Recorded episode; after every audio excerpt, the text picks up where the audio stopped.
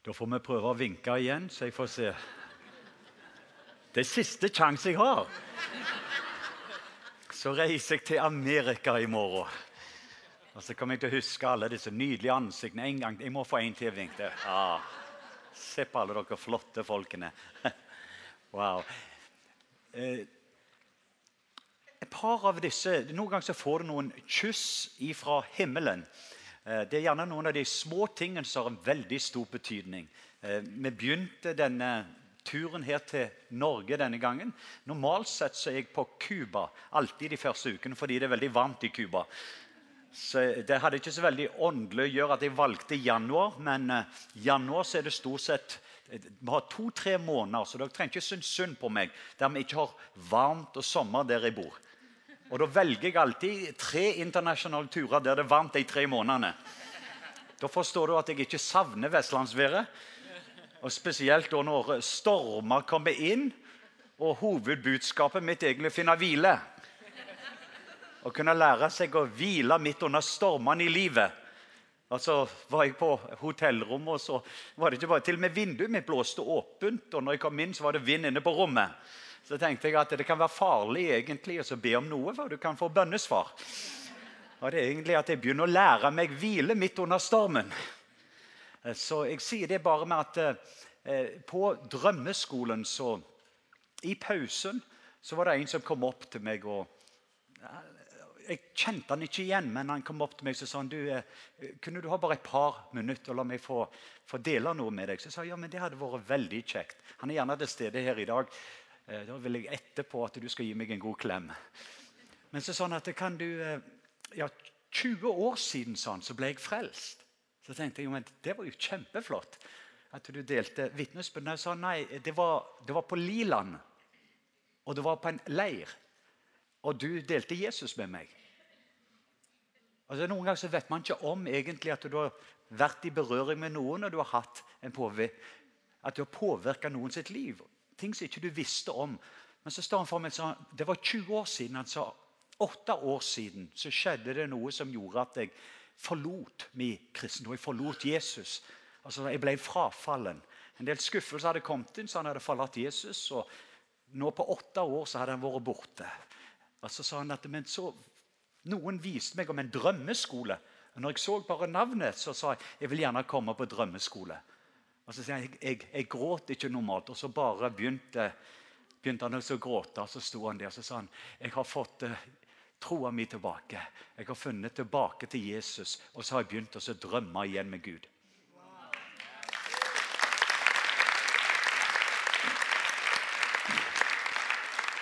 Før vi begynner å gå inn og dele noe i kveld, så kjente jeg et par ord som eh, ble veldig personlige for meg. Og Det var egentlig at det er en del personer til stede i kveld. Og jeg føler at De andre skal som en familie være rundt deg og være med oss og be. Men jeg hørte, hørte veldig klart skriftstedet, og det er ut ifra ordspråkene 13-12, der det står egentlig at når du håper noe hvis, La meg gi min versjon. Det står ikke akkurat dette, men oversett fra engelsk. Men når du har hatt håp om noe, og det har ikke skjedd Du hadde håp gjerne det skulle bli helbredelse, og ekteskapet skulle være eller Du hadde håp på et møte, noe skulle skje. Men når disse tingene har gått i en stund, du har hatt håp, og det ikke skjer, så gjør det at hjertet ditt har blitt sykt.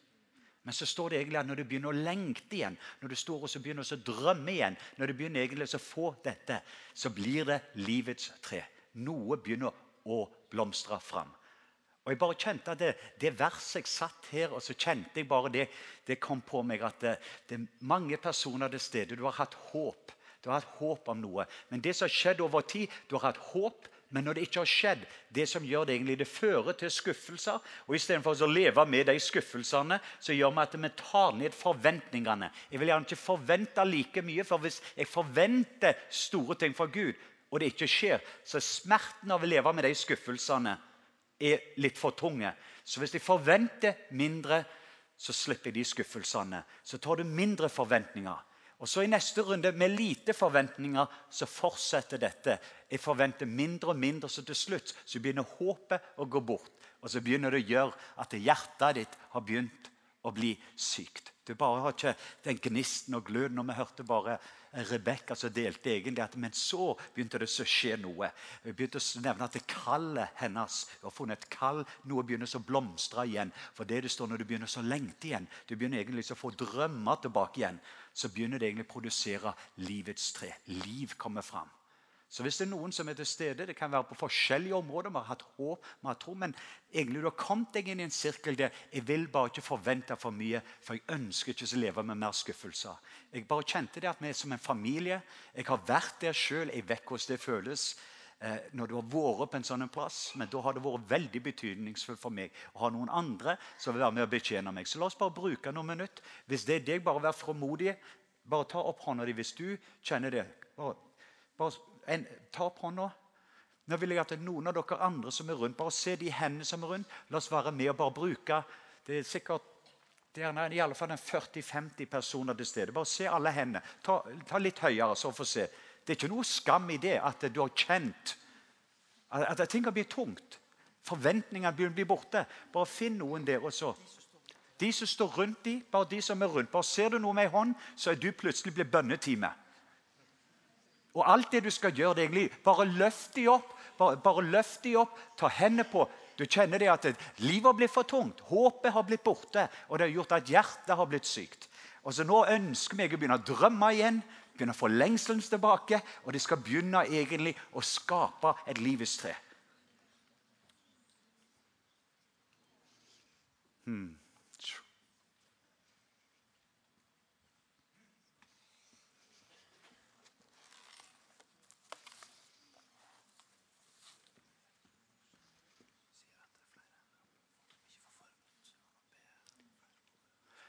Det er enda flere hvis, bare ta og så Kan du vinke til meg hvis du, ingen, har lagt, ingen ber for deg akkurat nå?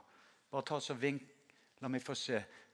Hvis det er noen som har hendene oppe, er det noen bak der? Så bare se helt bak. Så er det noen Hvis dere kan bare finne Om du ikke står rundt bare, Nå blir du plutselig på jakt. Hvis ikke du ber for noen, så bare finn noen hender og bli med meg. Veldig bra. Far, først av alt så ønsker jeg også å takke deg at det, du er en veldig god far.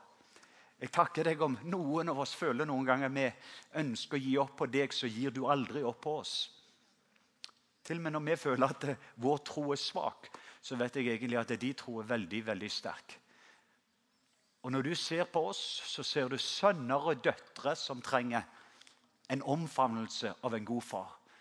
Og jeg bare kjenner det egentlig at eh, din kjærlighet din kjærlighet skal nå ta bort all frykt og all angst.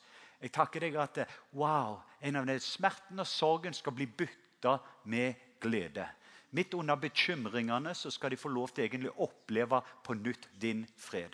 Nå ber jeg at det skal bli en oppstandelse på dine drømmer som skal skje. Og du skal få begynne å få oppleve fra dette øyeblikket så skal det begynne å blomstre seg noe som sier at eh, jeg kan forvente noe av Gud. Jeg er villig til å leve med den spenningen, men én ting jeg vet, det er at jeg har en god Gud. Jeg er en Gud som er stor, og en Gud som har et løfte for meg som sier ja og amen. Så nå bare ber jeg for mange som har hatt en lang vintertid, at våren vil komme. Mange som har hatt en lang vintertid. Det er både i ånd, sjel og kropp. Det har vært lang tid i mørket, og nå kommer lyset. Jeg bare forløser det lyset. Det kommer over deg. La håpet komme tilbake, lengselen tilbake, og at hjertet ditt skal bli lega, og at du skal få lov til å drømme igjen. Jeg ber at du skal få lov til å drømme med Gud. Drømme såpass store drømmer igjen at det begynner å få lidenskap og glede tilbake i ditt liv. Jeg velsigner deg. Jeg tar bort all angst, bekymringer for de som sliter med det. De mørke skyene blir løfta, og at du skal få et glimt av sola på nytt. Jeg ber det i Jesu navn. I Jesu navn. Amen. Amen. Tusen takk skal dere ha. Jeg, ville, jeg tror vi kan, kan ikke vi bare gi Jesus i alle fall en god applaus?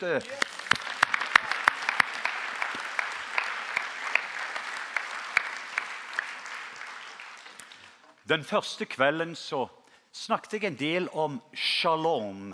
Jeg inviterte oss alle inn i en drøm. og så sier jeg, Hvordan ville det vært Hvordan ville det vært i ditt liv hvis at, eh, du hadde levd uten at det var kamper til stadighet.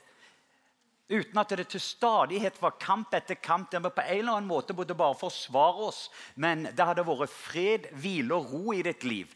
Og ut ifra dette at eh, på en eller annen måte du har funnet en sånn en hvile i ditt liv at egentlig så sliter den hvilen fienden ut. At det er en plass midt under stormen der du kan finne en sånn en fred som overgår all forstand, som bevarer både ditt hjerte og dine tanker. Så Den første kvelden så, så bare snakket jeg om en drøm der egentlig jeg brukte bildet bare på Salomon. Satt dette stadiet at det var en plass på jord som lignet på himmelen. Så Salomon bygde en plass der det var hvile på alle sider.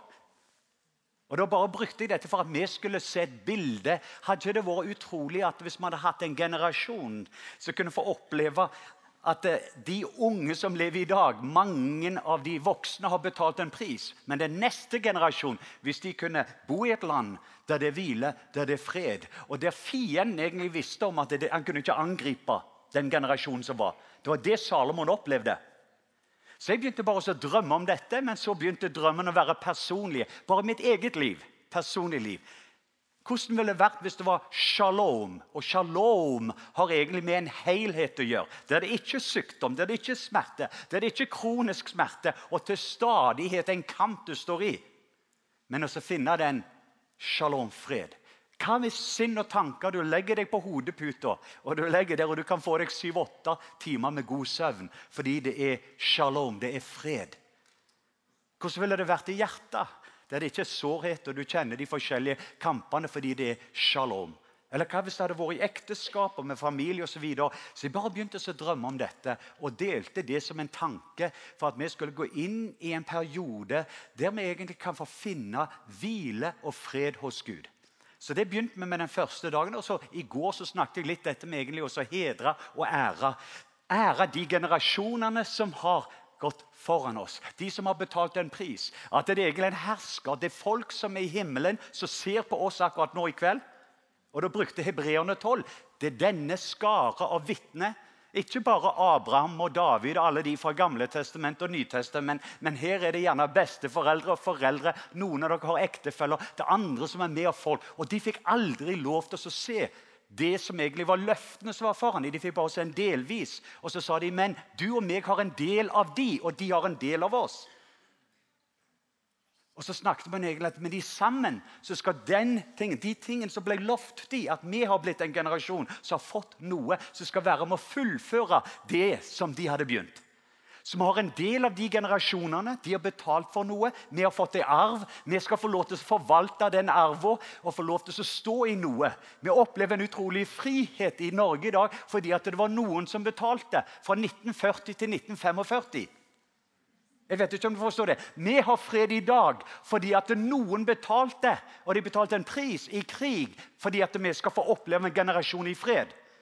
Andre har betalt en annen pris. Noen minner meg på Maria Monsen. Det er andre sånne kjemper som har gått foran oss, som har betalt en pris. Og Når vi begynner å ære og verdsette dette, så setter det oss opp for egentlig kunne være med å forvalte, ta imot en arv. Og så kan vi lære å forvalte den arven, sette den opp for en generasjon der det overnaturlige blir naturlig i Norge.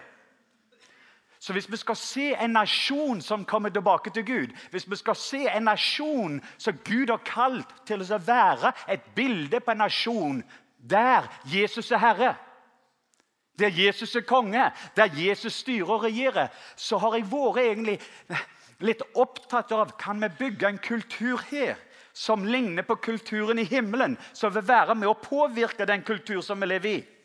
Kan du si amen til det? Jeg drømmer egentlig om å se Hans rike komme og Hans vilje skje på jord som det er i himmelen. Men for at vi skal ha det, så er det egentlig at jeg ber min far, og du ber din far. Det er vår far. Fader vår.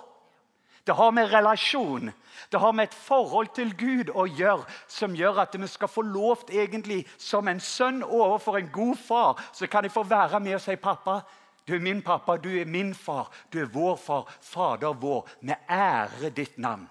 Hellige være ditt navn. La ditt rike komme. Ditt rike, det som er i himmelen, ditt rike komme. La din vilje skje. Hva er Guds vilje? Jo, det som er i himmelen, på jord.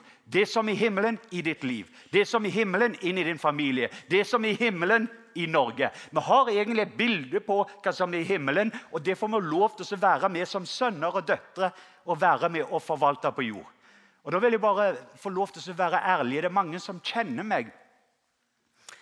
Eh, noen spurte meg når begynte du å reise tilbake i Norge. Vi vet du har vært borte nå i 17 år. Så sa jeg til noen at jeg reiste og talte på en del konferanser i Norge i en tre-fireårsperiode. Og Det er en del her som har fortalt om det. Et par av de kom opp til meg og sa jeg ble helbreda. Det var utrolig sterke møter. Og jeg synes det var veldig, veldig kjekt. En av dem var River-konferansen i Tønsberg med Rolf Auke, som er borte. og Vi hadde veldig sterke møter. Utrolig flotte helbredelser. Det var en åndsutgytelse. Så jeg synes det var veldig kjekt å være til stede på River. Men det var noe som mangla hos meg. For de neste år så møtte jeg de samme personene. som igjen, det var på en eller annen måte, De kom der for å få fersk olje. Men når de reiste hjem på sine hjemsteder, så begynte de å brenne opp den olja. Og så til slutt så gikk den tørr. Og så begynner de å brenne kjøtt, og det lukter ikke så godt. Altså, vi sier På amerikansk så sier vi when you, when you are anointed, it is good. But when you're becoming annoying, it is not good. When you are prophetic, it is good. But then when you're no longer prophetic, you become pathetic.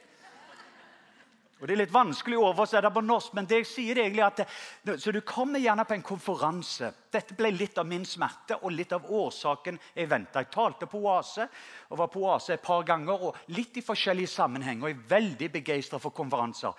Jeg reiser rundt i verden, og når jeg reiser hjem til USA, så har jeg tre-fire store konferanser. Veldig begeistra for det. Men det gjorde meg en stor smerte å møte en del av disse menneskene som kom og Jeg var veldig begeistra for de som ble frelst, de som ble helbreda, de som fikk et møte med Gud, og de som fikk fersk olje. De delte, de sendte e-post. Det var veldig sterkt. Men så så jeg vi har ikke på plass en kultur, en familie, der de kan komme sammen. Og ta dette med hjem og så begynne å spire og vokse opp. Og Så kom det 40 stykker som samla seg på den ene plassen der jeg var. rundt omkring i Norge. De hadde alle gått på Betelskolen i Reading. Er det noen her som har gått på Betel i Reading? Bare vink til meg. Ja, det er noen som, det er flere. Og, men de kom til meg, så fortalte de litt av det samme. De sa vi var der, og det var en sånn en, wow, utrolig opplevelse. Og vi ville så gjerne komme tilbake til Norge. Og vi ville så gjerne at Norge også skulle få oppleve mye av de samme tingene. Så jeg brukte en dag sammen med de folkene, og da begynte jeg igjen å kjenne hjertet mitt. Jeg kjente det egentlig at eh, jeg begynte å få en drøm og en visjon. at jeg ønsker Når de reiser tilbake til om det er Hammerfest, eller Tromsø eller Harstad eller de kommer til Stavanger Når en del av disse personene de har vært innenfor en kultur der de har sett det overnaturlige og naturlige. De har lært egentlig at det er, en, det er ikke at du har en åpen himmel, og dette er en åpen himmelkonferanse, men du har en kultur som har begynt å lære å ta vare på det. Hører du det? At når jeg kommer til Norge, så har jeg visse klær på meg. Jeg hadde litt for lite klær fordi det var veldig kaldt. Og jeg beskytta meg ikke mot den kalde vinden. En del av oss er ikke forberedt på hva type klær vi skal bruke. Men det er egentlig en atmosfære som er i himmelen, og vi må kle oss etter den atmosfære og forvalte den her på jord. Og Mange av oss har et perspektiv. Det er egentlig at du blir frelst, og når du blir frelst, så er tanken på at du skal leve og gjøre det beste du kan her på jord, slik at du kan komme til himmelen. Du vet du blir frelst, men du skal til himmelen. Men evigheten begynner ikke hos deg før at du dør. Istedenfor at evigheten begynner den dagen Jesus flytter inn. Og du begynner å få et evighetsperspektiv på alt. Så himmelen er egentlig mitt hjem. Jeg er på besøk her i Norge. Og så reiser jeg på besøk til USA, der jeg har et hus. Men himmelen er mitt hjem. Og Den hellige ånd som er boende hos meg, som er boende hos meg, er en kobling fordi jeg har en sønn som representerer min far. Jeg vet ikke om du har fått det. Jeg er en sønn som representerer min far og leve i en relasjon til en god far. Og så har jeg Jesus Kristus som sitter ved Faderens høyre hånd. Og jeg har fått en hellig ånd som er boende i meg. Jeg er en direkte kobling med en far. Og far har en lengsel at det er ting som er der som han ønsker å få se her nede på jord. Så litt av min tanke, og det begynte litt av forandringen og litt av begeistringen min med å være her og investere. med har hatt sterke møter i løpet av de årene vi har vært. Men noe som ligger både på Pauls hjerte og mitt hjerte, det er egentlig at det, dette skal bli egentlig rundt omkring i Norge en familievirksomhet. Der hver enkelt av oss, når vi kommer i sammen, så kommer vi inn her med en identitet. Vi vet hvem man er, og vi vet hva vår far er. Når vi kommer inn her, så vet vi egentlig at vi er verdifulle. Vi vet at vi er elsket. Når vi kommer inn her, så vet vi at vi er allerede akseptert. Vi trenger ikke gjøre noe fordi Jesus har gjort alt. Og han har betalt en pris, slik at vi skulle egentlig gjenoppretta med en god far. Og denne far, det er hans vilje. Det er egentlig å gi noen gode kyss og noen gode klemmer til sine barn. Han er en veldig god far. Og I så mange år så, så jeg ikke det bildet. Så jeg har brukt veldig mye av min tid de siste ni årene 80% av tida mi har brukt med å investere i å lage kultur. Det egentlig betyr egentlig å leve relasjon. Så når jeg møtte Paul, som er til stede her, så de inviterte meg å reise til Filippinene. Da sa jeg nei til en stor konferanse med 5000 toppledere, men jeg sa ja til to filippinere. Hadde jeg sagt ja til denne store konferansen med 5000, så hadde de gitt meg et stort honorar. Det er de med første klasse og seng på flyet. Femstjerners hotell. Nå betaler jeg min egen billett. Fly rundt jorda. Sitte bak der nesten med toalettet bak i flyet. Og jeg har det veldig vondt i kroppen. Og flyr helt til Asia for å møte to personer som jeg ikke kjenner veldig godt. Men det som hadde med prioritering min Ni år siden så talte Gud noe til meg som forandra livet mitt. Og det er egentlig han sa, Du har ikke tid til å reise og tale på store konferanser, men du har alltid tid til familie. Så når Paul og Almira de ringte meg på farsdag Jeg var i Nashville i år 2006. Så sier de 'Hei, pappa Leif.' Så tenkte jeg 'Hvem er disse folkene?' Så sier de 'Husker du oss? Dette er Paul Almira. Vi traff deg på en luthersk konferanse oppe hos Anna Lutheran Church.' Så tenkte jeg å, det var de to filippinerne, ja. Ja, du er vår far. Og jeg husker veldig godt det. At jeg hadde sagt ja og ga dem en fars velsignelse. Og når de viste meg hendene, så kom det olje ut av hendene. Og jeg visste det var et tegn som får deg til å undre. Tegn og under.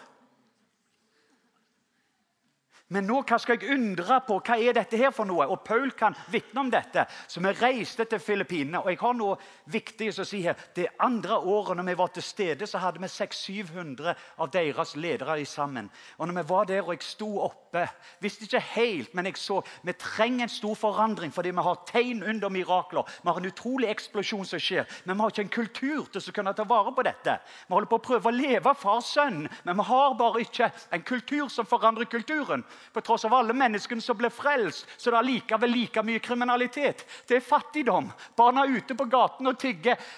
Hele perspektivet. Når jeg ser rundt omkring, så kjente jeg bare sånn en smerte i hjertet mitt. Men jeg delte et budskap som hadde ingenting med det som kom til å skje. Mens jeg sto der oppe, så plutselig så begynte alle disse filippinerne å peke på meg. Så tenkte jeg Er det smekken min, eller hva? Jeg begynte å lure hva er i veien. Hva er det som foregår? For dette er ikke høft. De pleier ikke å gjøre dette. Det, når du er, Hvis Aksel hadde stått her, alle hadde stått og så pekt. Og det, det er sånn Paul sitter her og kan, Han var satt akkurat like nære og så på den gangen. Så jeg står der, og så til slutt ingen vil høre på det jeg har å si. Det var veldig uhøflig. Og så til slutt så lurte jeg på okay, hva er dette her for noe. Jeg hadde sett rundt, Så sier jeg, 'Se over hodet på deg!' Så tenkte jeg, så ser jeg opp, og når jeg ser opp, så ser jeg to eller tre oransje fjærer så lange. De bare svever sånn opp over hodet, og det hadde de gjort. Og de kom fra ingen mann. Ingen plass. Jeg visste ikke om det. Det var disse tre fjærene. Og da hadde jeg et par amerikanere med. De var sånn uh! så, jeg, så jeg fikk disse fjærene med meg og la de i Bibelen. Og de kan vitne på De tok fjærene på hendene folk, så kom det gullstøv. Og igjen uh, Dette var utrolig. Men filippinerne de er litt mer vise enn oss vestlige. De sier 'Hva var det pappa Leif sa?' De kaller meg Daddy Leif. Men de har denne relasjonen. Så sier 'Hva var det han sa når fjærene kom?' Så de gikk og henta videoen. De gikk inn og brukte tid og så på videoen. Og så var det noe som ble sagt. Jeg visste ikke om det. Jeg er i USA. Så sier de, 'Hei, Daddy Leif. This is Paul. Do you know what you said when the feathers came?' 'Husker du hva du sa når disse fjærene kom?' Så sier jeg, 'Nei, det visste jeg ikke.' For de kom fra ingen. Det var, det var, ikke noe de dalte. De plutselig bare kom, og det var foran alle folk. Så det hadde alle dere sett plutselig. Jeg sier et ord, og så kommer alt dette uten du vet hva du sier. Men vi på en eller annen måte den vestlige måte å tenke på. Vi ble så opptatt av fjærene og gullstøv at vi glemte at Gud sa noe. Og Dette var et tegn for å få deg til å undre på det Gud sa. Men jeg takker Gud for filippinere som på en eller annen måte sa wow, hva var det som ble sagt, Gud, som gjør at du sender oss et tegn som skal få oss til å undre. Og hva skal vi undre på? Så De neste ti dagene gikk de inn i Guds nærvær. Men det var dette som jeg hadde sagt. Dere beveger dere bort. Jeg talte ikke om dette. Jeg hadde plutselig sagt noe. Du beveger deg bort fra å være en organisasjon, en menighet eller en kirke og en misjonsbevegelse, og du blir nå en familie. Når jeg sa ordet familie, bang, så kom fjærene. Bare lage historien kort, og så skal jeg dele en åpenbarelse som jeg tror skal få være med og forvalte noe som jeg tror kan egentlig være med å forandre dette land.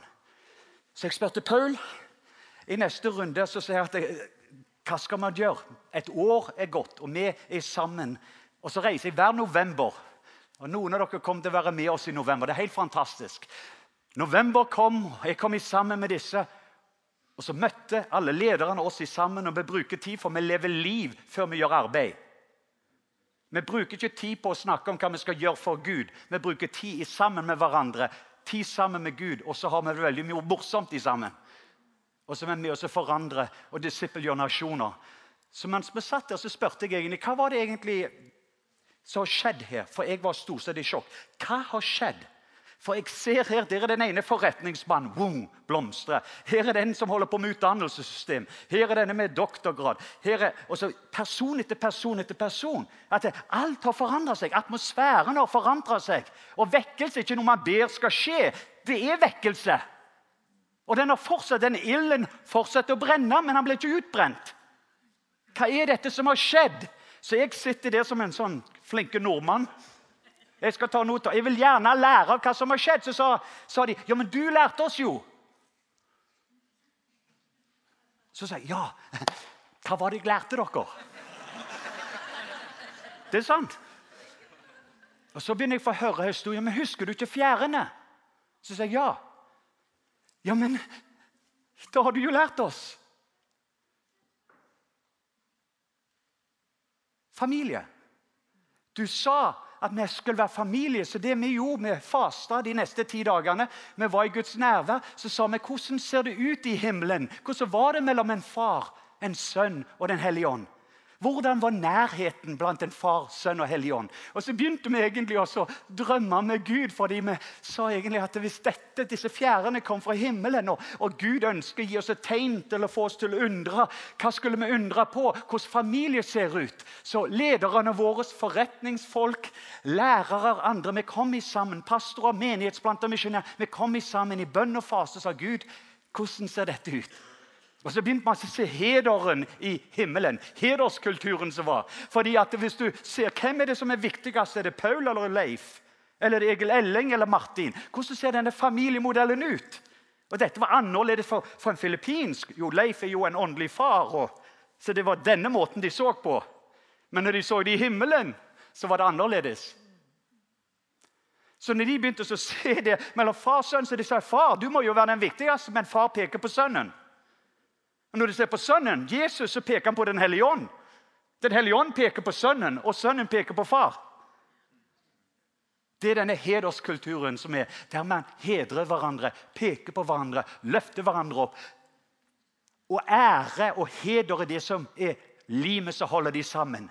Ære og heder er Hvis du skal se hvordan kjærlighet ser ut i praksis, så vil du se det i ære og heder.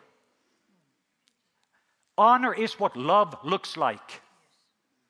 Hvis du vil se hvordan kjærlighet ser ut, så vil du se at du alltid ærer og hedrer de som er rundt.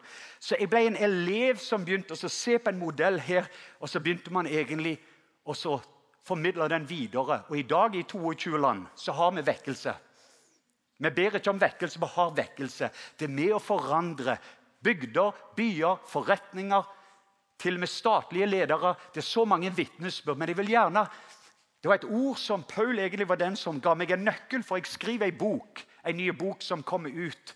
Regner med til og med i Norge at den kommer ut før i USA. Men i USA så ble den utgitt i september. Den boka heter 'Ground Rules for Killing Giants'. Grunnregler hvis du, skal, hvis du har en gigant foran deg, en Goliat. Hvor mange vet at vi har noen Goliat, noen kjemper i Norge? Vi har noen kjempeproblemer i Norge. Og Det samme har vi i USA og rundt omkring i verden. Vi har det i byer. Jeg vet 1. august så er det en del som går sammen på Bislett for den Goliat. Jeg vet Mange går på skole her for å lære egentlig hvordan vi skal takle noen av de gigantene som vi har i landet. Noen er det så det er kreft, at vi må gå mot giganten kreft osv. Men det er en del grunnlegger som David hadde. Men jeg mangla et kapittel. Og Så prøvde jeg å kjempe hva er dette kapitlet? Og så plutselig så var det egentlig at historien dreier seg om David og Davids liv. Når David kom med denne lunsjpakken til brødrene, så er det altså Hvorfor går ikke du tilbake til sauene? Altså, Du passer ikke inn her. Hva gjør du her? Så jeg sier, David, hva er det jeg har gjort? Men på engelsk norsk så hjalp det meg ikke så mye. Men både på hebraisk og engelsk måtte jeg lese dette og si Is there not a cause? sier David.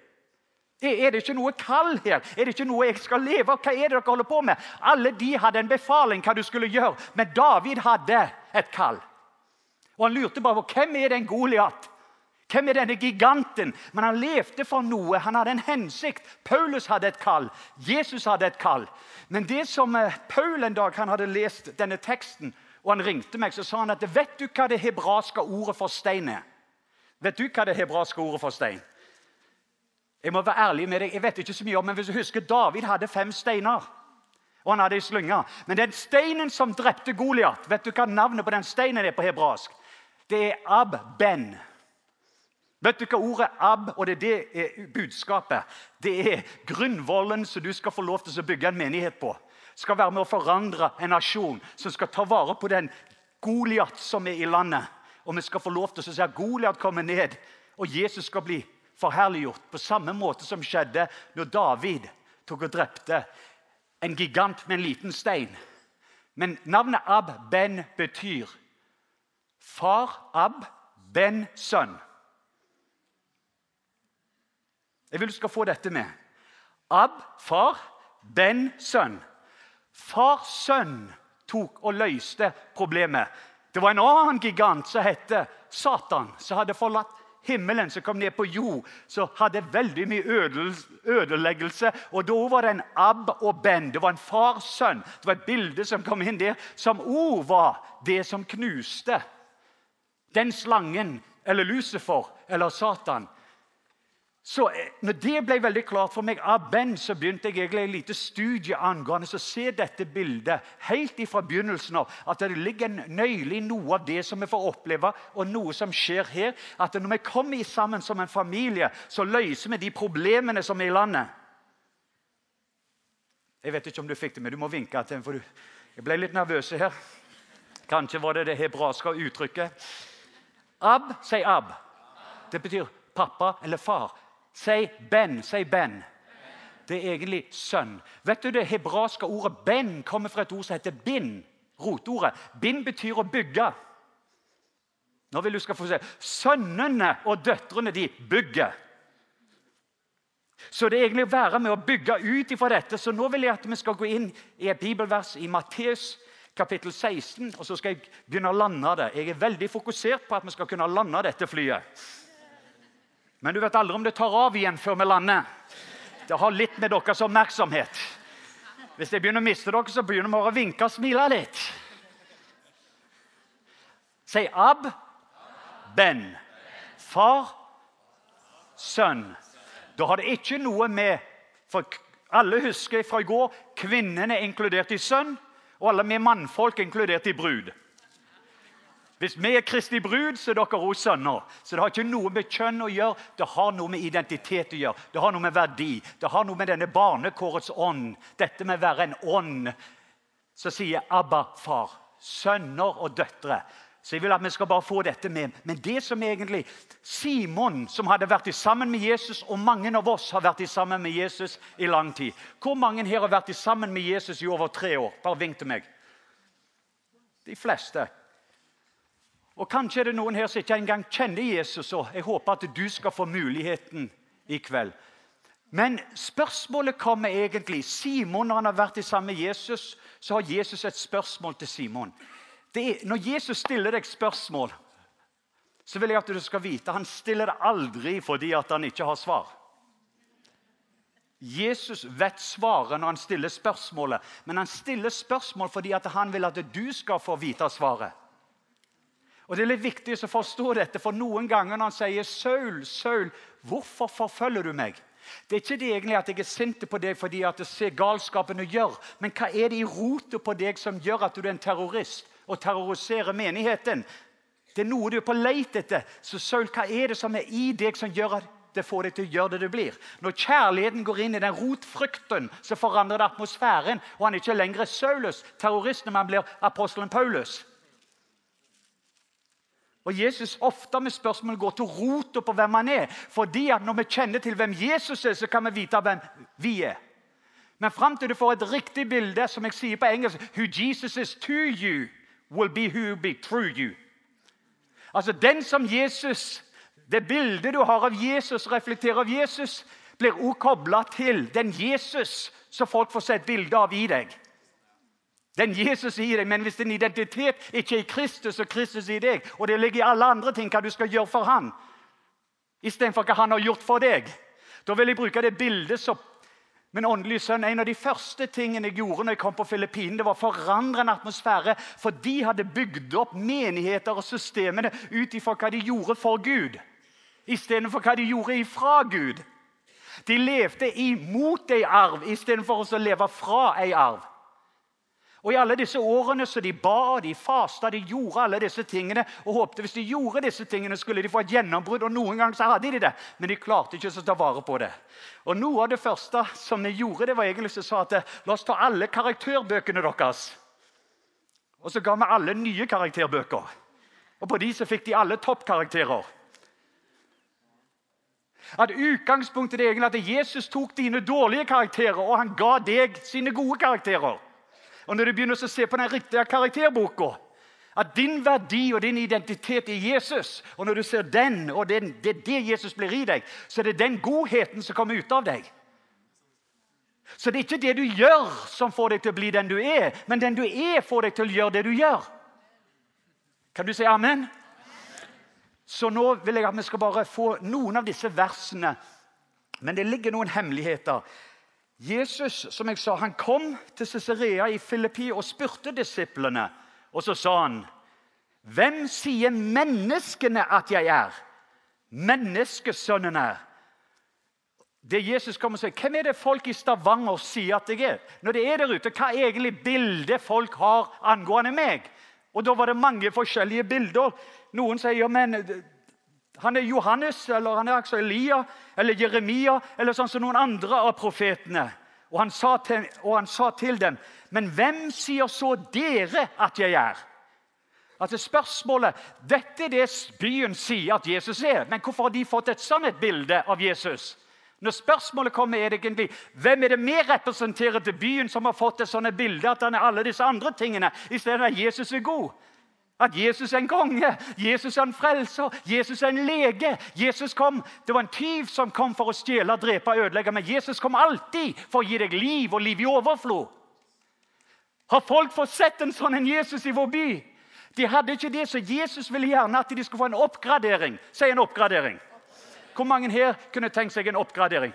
Vink til meg. Det er noen som vil heller sitte på, bak i flyet eller på første klasse.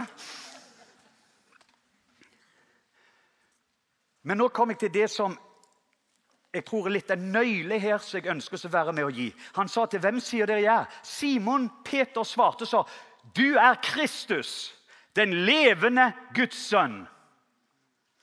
Hvem er Jesus? Han er Og han er det Let's say det en gang. Hvem er Kristus? Ok, Vi prøver det på nytt. Dere gjør en veldig god jobb. Dere har allerede fått toppkarakterer før dere prøver å ta eksamen. Du blir mye mer avslappa når du tar eksamen, hvis du har toppkarakterer før du gjør det. Det er det som er så flott med Guds rike. at jeg fikk en toppkarakter i tale før jeg begynte å si noe. Fordi min identitet er ikke det jeg gjør, men hva Jesus har gjort. Og verdien min da egentlig bare være her og være meg sjøl hvile i det som han har gjort. Og så er jeg ikke så veldig mye opptatt av hva jeg gjør ikke gjør, og hva jeg sier, og hva folk skal si, for jeg vet hva pappa sier om meg. Og Det min pappa sier om meg, det er sannheten, og den sannheten den setter meg fri. Så hvem er det dere sier jeg er? Men det jeg synes det er si, han er Kristus, og han er sønn. Ordet Kristus, vet hva det betyr? Det betyr salvede. Du er Kristus, det er turteldua. Det er Den hellige ånd. Vi ser Den hellige ånd på deg. Og du er sønn. Si sønn. Han er en sønn med ei turteldue. Han er en sønn med Den hellige ånd. Husker du det? Turteldua kom på han. Han begynte sitt liv med en enkel ting, og det var nøkkel til Jesus' sitt liv, og det vil bli nøkkelen til ditt liv. Dette er det som vil forandre ditt liv, det forandrer mitt liv, det forandrer sitt liv, det vil forandre ditt liv. Nøkkelen til egentlig alt begynte med egentlig en enkel ting Før han hadde bedt for en syk, før tegn under mirakler, før noen ting, så fikk han egentlig en fantastisk ting. Han fikk en vanndåp som hadde med et bilde på en død begravelse, oppstandelse, identiteten i Kristus. Han hadde en åndsdåp. Det betyr egentlig han hadde kraft til å leve ut det livet. Det er et bilde for du og meg. Men så hadde han en kjærlighetsdåp. Og den kjærlighetsdåpen det er egentlig før du har gjort noen ting, Jesus. Før du har begynt din tjeneste. Så skal du få høre at du er min, og du er min elskede. Du min elskede sønn, som jeg har behag i. Du, Før du begynner å gjøre noen ting, så har du allerede fått en toppkarakter. Så gå ut. Og Nå kan du begynne å se at det, det, Den hellige ånd er på meg, og han har salvet meg, og jeg har gode nyheter der det er dårlige nyheter. Og begynne å forandre atmosfæren, for denne atmosfæren har forandra seg. Så det første jeg måtte gjøre med disse filippinene, det, det var egentlig at dere allerede har akseptert. Og ut ifra at du har akseptert og at pappa er allerede glad i dere, så har dere fått en identitet. for Du har akseptert fordi dere er sønner og døtre av en god pappa Gud. Og det er ingenting dere kan få til å få han til å elske dere noe mer eller mindre.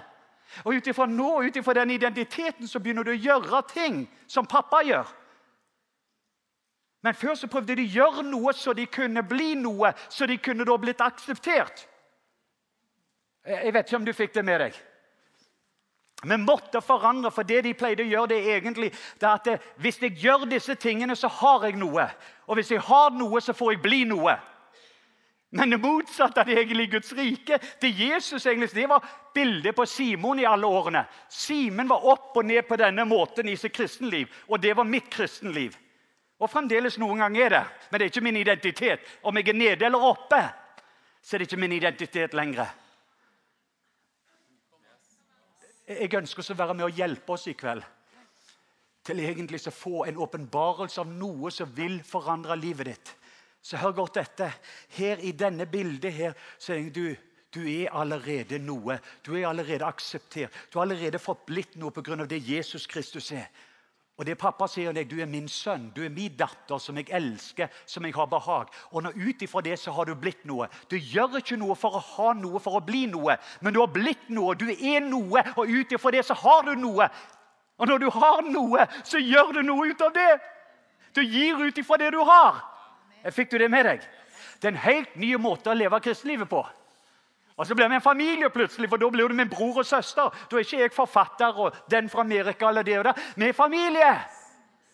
Og så har du ikke noe superstjerne, det er bare én stjerne, og den skinner veldig bra. Den heter Jesus. For det er der verdien vår ligger. Hører du det? Og så Jesus svarte og sa, 'Salig er du, Simon, bar Jonah.' Alltid sønn. Simon, du var sønn av Jonah. I det naturlige så var det Salig Leif, sønn av Sven Hetland. Det var den du var, men nå skal det noe forandre seg. Simon, denne åpenbarelsen kom ikke fra kjøtt og blod. Det har ikke åpenbart. Men hvem er det som har åpenbart det? Min far i himmelen. Si det med meg. Min far i himmelen. Dette er en fars åpenbarelse å finne ut egentlig hvem du er. Men du vil ikke finne ut hvem du er før du vet hvem Jesus er. Og når du vet at Jesus, identiteten er han, til å være en elskede sønn som far har behag i. At du har blitt salva fordi at du er en sønn og datter. Det er din identitet. Du har blitt salva ikke fordi du er god og fordi du gjør alle disse tingene, men du har blitt salva av Gud med Den hellige ånd fordi at du er en sønn og du er en datter av en god pappa. Og det er hans vilje til å gi deg gode gaver. Det er hans hjerte å gi deg gode gaver. Og Noen ganger er det pga. at vi har ikke funnet den identiteten som gjør at vi kan verdsette og forvalte det Gud gir. Men Simon, nå når du har hørt dette fra pappa De andre så alle disse andre bildene. Men denne gang så hørte han fra himmelen. Si fra himmelen. Min far, din far, himmelske far. Han hørte fra den himmelske far. Han fikk en liten hemmelighet. Turteldua må ha vispa det til han, Den hellige ånd. Hei, Istedenfor bare å svare sånn som du ville gjort, Simon. For i et øyeblikk så sier du 'Å, Jesus, om alle de andre forlater deg, så kommer jeg aldri til å gjøre det.' Men i neste øyeblikk 'Du, jeg, jeg kjenner han ikke. Jeg vet ikke hvem han er.' Og vi vet at våre liv er veldig like frem til vi får et møte og vi får en ny identitet. Ja, vi får en ny verdi ut ifra den identiteten. Og så får vi nye drømmer for det. Og det er et enkelt, klart budskap. Hvem sier du at Leif Hetland er? Jo, han er en elskede sønn. Han er en sønn av pappa Gud. Og han har en turteldue. Han har blitt salva ikke fordi han har gjort disse tingene, men fordi han er en sønn. Og pappa har allerede velbehag. Og ut ifra dette Simon, du er ikke lenger Simon. Jeg vil du skal få dette med. Du er Peter. Si Peter. Nå husker du ordet Ab. Si Ab. Ben. Si Peter. Det betyr klippe. Hva betyr klippe? Stein. Steingrunn. Ab. Ben. På denne klippe så skal jeg bygge min menighet. På denne klippet så skal jeg bygge Sandnes baptistmenighet. Du og jeg har aldri blitt kalt til å bygge menighet. Han sier jeg vil bygge min menighet. Og når jeg bygger min menighet på en identitet som er egentlig pga. Peter og din nye identitet Du var sønn før av noen andre, men nå har du blitt sønn av noe annet. Og det blir bygd på klippet, noe som ikke kan ristes. Og på den identiteten skal jeg bygge en menighet i Norge, og helvetes porter, mørkets porter, vil ikke kunne stå imot. Bare les det. På den identitet å være en elskede sønn og datter av en god Gud. På den identiteten så skal jeg bygge noe som er så flott, noe som er så vakkert. Det ser ut som en familie. Derfor begynner det alltid med Abden. Det er egentlig denne fars sønn. Dette bildet er en fars velsignelse. Det er det som vil forløse over ditt liv. En identitet og en verdi der du ser deg sjøl i speilet. Så kan du begynne å se Guds storhet da ser du Guds nåde. Da ser du Guds godhet. Når du begynner å se deg sjøl i speilet, så ser du Gud. Hvordan kan du være så god mot meg? Jeg vet på mine egne områder det beste jeg kan få til. Og Så sier han jo da at jeg ser noe i deg. Jeg ser en abden. Jeg ser en sønn i deg. Og Ut ifra det sønnekårets ånd så sier Abba, Fader De som er ledet av Den hellige ånd, de er sønnene og døtrene til Gud. Men for at Turtel du ikke skal bare besøke på en konferanse, så må du få en ny identitet. Og den identiteten er bygd på klippe. Den er bygd på abden. Det er et fars, sønns, fars, datter. Bilde. Fedre og mødre skal vende seg til barna. Barnas hjerte til fedrene og mødrene. Og når det skjer, så skal dommen i landet bli brutt. Malaki, kapittel 4, vers 6. Nå skal jeg lande dette. Og så står det noe annet fint. Og jeg Si det med meg. Si 'jeg' Det er Jesus som sier, 'Vil bygge min menighet'. Og dødsrikets porter skal ikke få makt over den. Og jeg vil gi deg nøklene til himmelsriket. Så her skal du og jeg få nøkler. Si nøkler. Hva gjør du med nøkler? Du åpner opp bilen, eller du lukker bilen. Du åpner opp huset, og du lukker huset. Det han sier, Nå når du er sønner og døtre, så er det forskjellige ting som i himmelen. Og det er hele bildet på det Gud vil se på jord. Min far, din far, vår far, Fader vår. La ditt rike komme. La din vilje skje. I mitt liv, i min familie. Ut ifra denne identiteten er på klippet. Det kan ikke ristes. Jeg er en sønn. Jeg er en elskede sønn og datter av en god pappa, og det er ei turteldo over livet mitt. Og den hviler der i den identiteten. Derfor jeg er akseptert. Og ut ifra den aksept som jeg har med Gud, Fordi at jeg er en sønn og en datter som er kjøpt av et dyrebart blod. Slik ut ifra dette så får jeg lov til å være en representert av en god far. Så er det ting Jeg tenkte på Jamal som var her oppe. så tenkte jeg bare på, Vi må løse en rettferdighet. Er det urettferdighet, så må vi løse en rettferdighet av himmel mot jord. Det er vår oppgave som sønner og døtre. Hvis det er ting her på jord som ikke ligner på himmelen, så står det du og vi kan få løse, og vi kan få lov til å være med å binde. Og han bygger menighet. Det er vi vi lærer å bli familie. Og så vil det begynne å fortsette å vokse og bygge. og bygge, og Han vil bygge sin menighet. Det vi gjør, det er egentlig fokusere og være familie. Elske hverandre. Det er hver enkelt av deg. Når du reiser hjem igjen, så er vi sønner og døtre. Vi har fått en verdi, vi har fått en identitet. Og så vet vi at det er vår fars vilje. Det er pappas vilje å gi oss gode gaver. Så begynner vi å ære hverandre. Noen av pastorene som gjerne ikke forstår det du har tatt imot. Så begynner du egentlig å ære, og hedre dem og begynner å velsigne dem. Og så begynner man egentlig Sønner og døtre blir fedre og mødre. Og så begynner vi å legge verdier i hverandre. Og så begynner himmelen egentlig å bli attraktiv til en kultur som kan være med å ta imot dette. Ikke lenger bare ha besøk, men nå kan vi egentlig bygge et hjem. Vi kan bygge en familie som kan være med å huse himmelen. En av våre menigheter, og så jeg landa. Minnesota heter The House med Jamie Van Gelder. Han er en åndelig sønn, venn. Fantastisk menighet som ble planta. Men han fortalte vi begynte dette skiftet, sa han. Det begynte å bli en del forandringer. Men så sa han at eh, vi ber for syke, og vi har indre helbredelse. Vi har mange ting fremdeles, men han sier det er 10 I forhold til før var det 90% Så sa han, så sa jeg, hva er forskjellen? Hva er det som forandrer seg? Så sa han at jo, vi har blitt en sånn familie der folk kommer og er bare sammen med oss som familie. uten at vi gjør veldig mye, men de er bare sammen og elsker hverandre. det er en atmosfære av familie som skjer egentlig at ekteskap blir gjenoppretta. Vi ser også fysiske helbredelser. Bare folk liv begynner å strømme på. Tenk deg det hvis immunsvaret for Kristi legeme er så sunt for oss. For noen er hender og føtter, men vi er sammen som et legeme. At immunforsvaret var så godt at kreft kunne ikke engang være. Jeg drømmer om det. At folk skulle bare få komme en berørelse av noen som var en del av legemet. Bare skyggen av det skulle begynne å berøre folk. Og de lurte på hva som skulle ha skjedd. Jeg håper at du ser at det er enkelt nok at det er en stein som kan løse problemene som ligger foran oss. Men den er bygd ut fra noe som heter abden, som er hemmelighet som begynte. Det vet Satan veldig godt. Det var en abden, en far som sendte en sønn som tok vare på slangen. Den samme abden, den identiteten i dag, er noe Jesus ønsker å bygge en menighet på noe som heter familie. Og så vil ikke himmelens porter, unnskyld, helvetes porter kunne stå imot. Det er ingenting ondskap, sykdom, uroligheter i dette landet som kan stå imot den godhet, den kjærlighet, den salvelse som vil strømme ut ifra den atmosfære. Og himmelen kommer til å være attraktiv.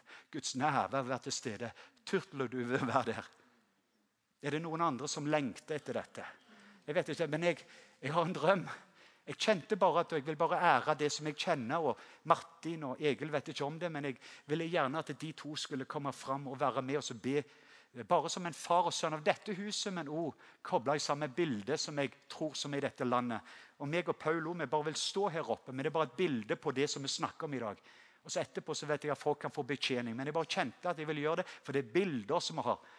Der ikke én er mer verdifull enn den andre, men der vi står sammen, der vi ærer hverandre. Generasjonene kommer sammen, og vi begynner å velsigne hverandre. Og vi får ab den, og det blir en stein, en klippe, som gjør at vi står sammen under dette. Og vi blir en stor familie. Og Du vet at du trenger ikke være ensomme. Du trenger ikke gå der med angst og bekymringer alene uten at det er en familie som står rundt deg.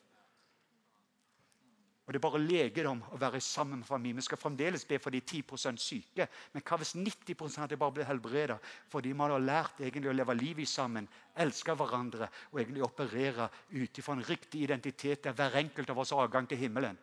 Fordi vi har en så stor Gud. Vi har en sånn nærhet til pappa som er god sønn og datter. Far, jeg vil bare begynne med å si at far, jeg takker deg for min familie her i Norge. Jeg takker deg når jeg ser på alle disse sønnene og døtrene. Uansett hva alder man er. Det har ikke noe med alder å gjøre. Det har med posisjon. Det er ingen som er åndelige fedre og mødre uten at de er sønner og døtre. Kanskje fedrene og mødrene har gått hjem, men de har likevel det er den ånd som har vært der, som har gjort at de er blitt åndelige. Og Jeg takker deg for generasjonsvelsignelsene som skal begynne å flyte over oss. Vi sier ja. Far, si ja. Vi sier ja. Vi sier ja til Guds kjærlighet. Vi sier ja til den identitet av å være ei sønn og datter. Det blir den største gave som vi kan ta imot. Og vi sier ja til Den hellige ånd, den utrolige salvelse. Denne turteldua si ja. Hvem sier du jeg er? Nå, ja, når du kan se hvem Jesus er, så vil òg Stavanger, Sandnes, Jæren, Haugesund De vil òg se hvem han er. De vil ikke ha lenger et bilde han er Elia eller han er noe annet. Men de vil se jo, jeg skal fortelle deg hvem Jesus er. Han er Kristus. Han er den salvede. Det er Guds sønn. Fordi de vil se det gjennom du og meg som sønner og døtre som representerer en god Gud og en god pappa. Ab den, ab den. Kan du stå opp, holde hendene og ta imot fars sønns velsignelse? Jeg bare føler noe forandring. Paul, come up with me also, and this, we can move this pulpit.